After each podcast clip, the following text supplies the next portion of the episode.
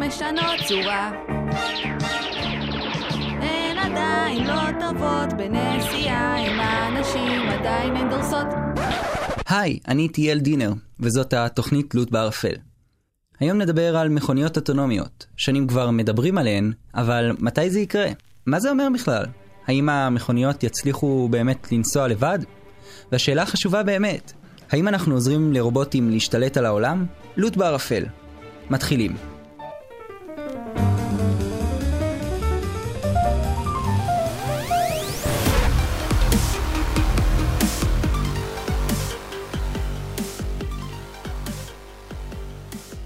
היי, כאן איטיאל. אתם מאזינים לתוכנית תלות בערפל. סליחה על הפרק הקודם. הפעם אני מבטיח לכם, מתחילים דוגרי. נתחיל מיד לדבר על מכוניות אוטונומיות. טוב, נו, בסדר, אוף.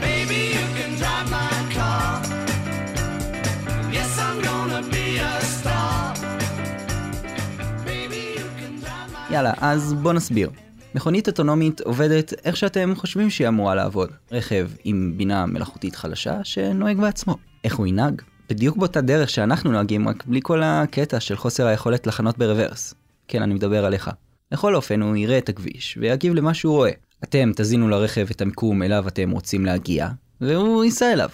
אבל אם ניקח צעד אחורה מכל הדבר הזה, לפני הכל המכונה צריכה לראות את כל הסביבה שלה ולזהות בה את כל התמרורים, את האנשים שרצים פתאום לכביש. לכלי הרכב הללו מתקינים סוגים שונים של מערכות חישה. ועדיין, הרכבים לא מזהים במעט האחוזים כל עצם שנמצא בסביבה שלהם. וזה בעייתי מאוד, הרי הם לא יכולים שלא לזהות רכב שבולם לפניהם בפתאומיות. הרובוטים האלה עם כל הציוד המשוכלל שלהם שמאפשר להם לראות הכל, לא מצליחים איפה שבני אדם עם בסך הכל שתי עיניים עושים עבודה הרבה יותר טובה מהם. הם רואים, אבל הם לא מבינים מה הם רואים. ולכן הרובוטים האלה מנצלים אותנו, כל אחד ואחד מאיתנו, ואתם אפילו לא יודעים את זה. אבל כדי להבין איך, הרשו לי קודם לספר לכם סיפור. אומרים כי אני אינני אני, על כן אני נבהל. כי אם אני אינני אני, אז מי אני בכלל? כולנו גולשים באינטרנט, אין מה להתבייש בזה. ולכולנו הייתה הזדמנות בה נכנסנו לאתר, ופתאום לפתע ביום בהיר אחד איזה מלבן לבן קטן דורש מכם הצהרה קבל עם ועדה שאתם, גבירותיי ורבותיי, לא רובוטים. מה אתם הייתם עושים?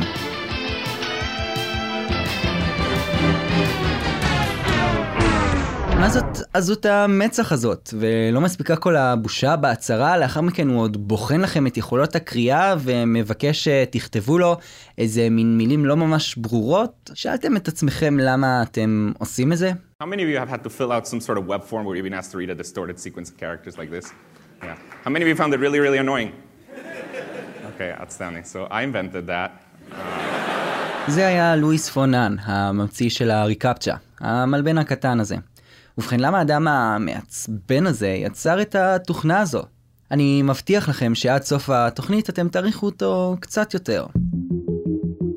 הכל התחיל בשתי בעיות שנוצרו בעולם המחשבים. הראשונה, בוטים. בוטים הן סוג של תוכנות שמטרתן לחקות פעולות אנושיות שנעשות במחשב.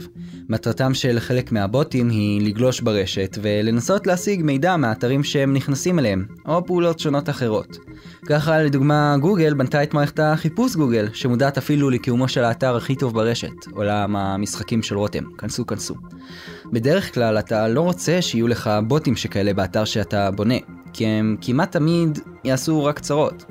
הייתה צריכה להימצא דרך להבדיל בין הגולשים הרגילים לבוטים ולמנוע מהם את הגישה. הבעיה השנייה הייתה מתחום אחר לגמרי. בדיוק באותה תקופה החלו להיווצר תוכנות בינה מלאכותית חלשה, שיכלו לסרוק כמות אדירה של טקסט שהודפס על גבי נייר. הם יכלו לקרוא עיתונים וספרים בצורה מדהימה, ולהמיר אותם לטקסט אלקטרוני, לקובץ כמו וורד לדוגמה. יש לדבר הזה שימוש רב. בעזרת תוכנות כמו אלו, המחשב יודע מה רשום על גבי הנייר, וכך אפשר למצוא בקלות חומרים בלי צורך בחיפוש של שעות. הבעיה הייתה שמילים שלא היו דומות במעט האחוזים לאלה שלימדו אותן לקרוא, מילים עם אותיות מרוחות או בכתב ישן, אותן אף מכונה לא הצליחה לקרוא. מילים שכאלו הן לא בעיה לבני אדם. אנחנו מזהים מילים בקלות, גם אם הן כתובות קצת שונה ממה שאנחנו רגילים. אבל רגע, כשחושבים על זה, יש פה בעיה שאפשר בעזרתה להבדיל בין רובוט לבין בני אדם. זה סוג של מבחן טיורינג. אם יש לנו שני מועמדים, ואחד מהם לא יעבור את מבחן הטיורינג הזה, הרי סימן שאין לו תבונה והוא מחשב. על זה בדיוק לואיס פון האן חשב והמציא את ה reCAPTCHA, המלבן הלבן. זאת הסיבה שלפעמים כשאתם רוצים להיכנס לכל מיני אתרים ורוצים לוודא שאתם לא בוטים, אתם פתאום מקבלים שתי מילים שכתובות בצורה מעוותת ואתם צריכים לזהות מה רשום בהם. כי למרות שאתם כן מצליחים לעשות את זה, בוטים לא. וכך אפשר להבדיל ביניכם.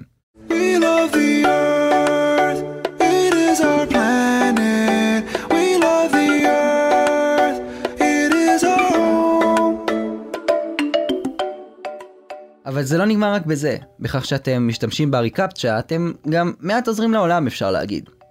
בסופו של דבר, אנחנו כן רוצים שמחשבים ילמדו כמה שיותר, וגם שהם יצליחו לקרוא ספרים כמו שצריך. לכן, אנחנו עוזרים להם קצת. אותה ריקפצ'ה שאנחנו עושים, מכילה בתוכה תמיד שתי מילים שנראות מעוותות. אחת זו מילה שמערכת הריקפצ'ה כבר מכירה ויודעת מהי, אבל השנייה, אין לה שום מושג מה רשום בה. שום מושג. היא לא עוזרת לה לזהות אתכם. אתם יכולים לרשום שבמילה רשום קוואבנגה, והיא עדיין תאמין לכם. אז למה היא שם? את המילה המעוותת הלא ידועה הזאת, המערכת קיבלה ממכונה אחרת שניסתה לקרוא את המילה הזאת מטקסט מודפס ישן ולא הצליחה. ולכן היא העבירה את המילה הלא ידועה הזאת למערכת הריקפצ'ה כדי שאנחנו נעזור לה.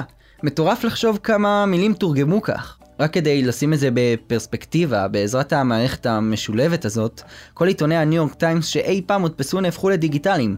כל עיתון מ-1851 עד היום. כשחושבים על זה, בכל פעם שאתם רוצים להיכנס לאיזשהו אתר באינטרנט, אתם גם מונעים מרובוטים להיכנס אליו, ובאותו זמן עוזרים לרובוטים אחרים. שכחתם כבר שאנחנו בפרק על מכוניות אוטונומיות, אה? אני רוצה, אני רוצה מכונית, אני רוצה, רוצה מכונית.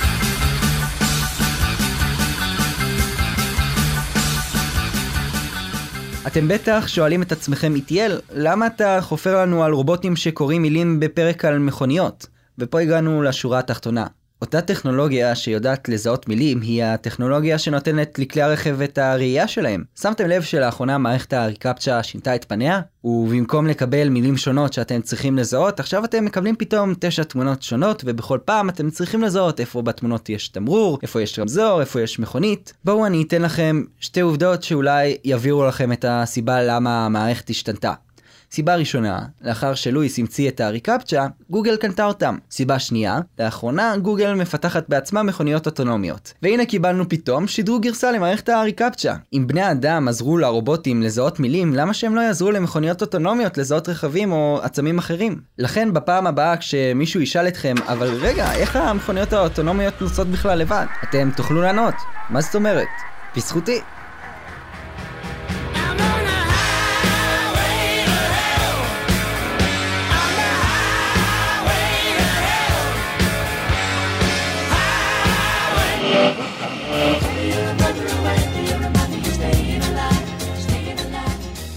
נגיד וכבר יש מכוניות אוטונומיות, ואחת מהן נוסעת, ופתאום המכונית מזהה שאדם מתפרץ אל הכביש.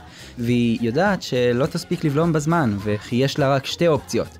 או שהיא דורסת את האדם שעל הכביש, או שהמכונית סוטה בחדות הצידה, אבל כל מי שברכב נפצע קשה, ובכך היא מצילה את האדם שעל הכביש. ומה היא צריכה לבחור?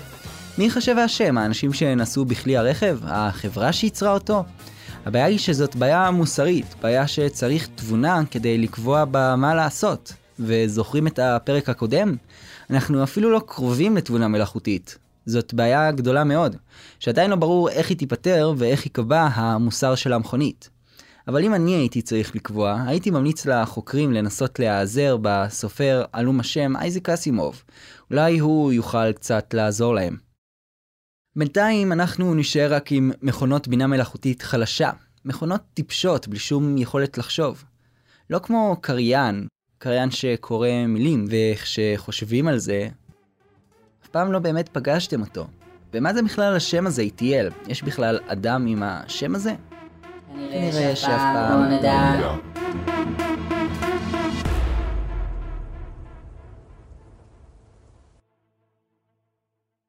זה כל מה שהיה לי להגיד על בינה מלאכותית ומכוניות אוטונומיות. אני הייתי איטיאל דינר. תודה רבה גם לדוקטור מיכל בקרת וולקין, מנכ"לית חברת ליר, על העזרה בפרק.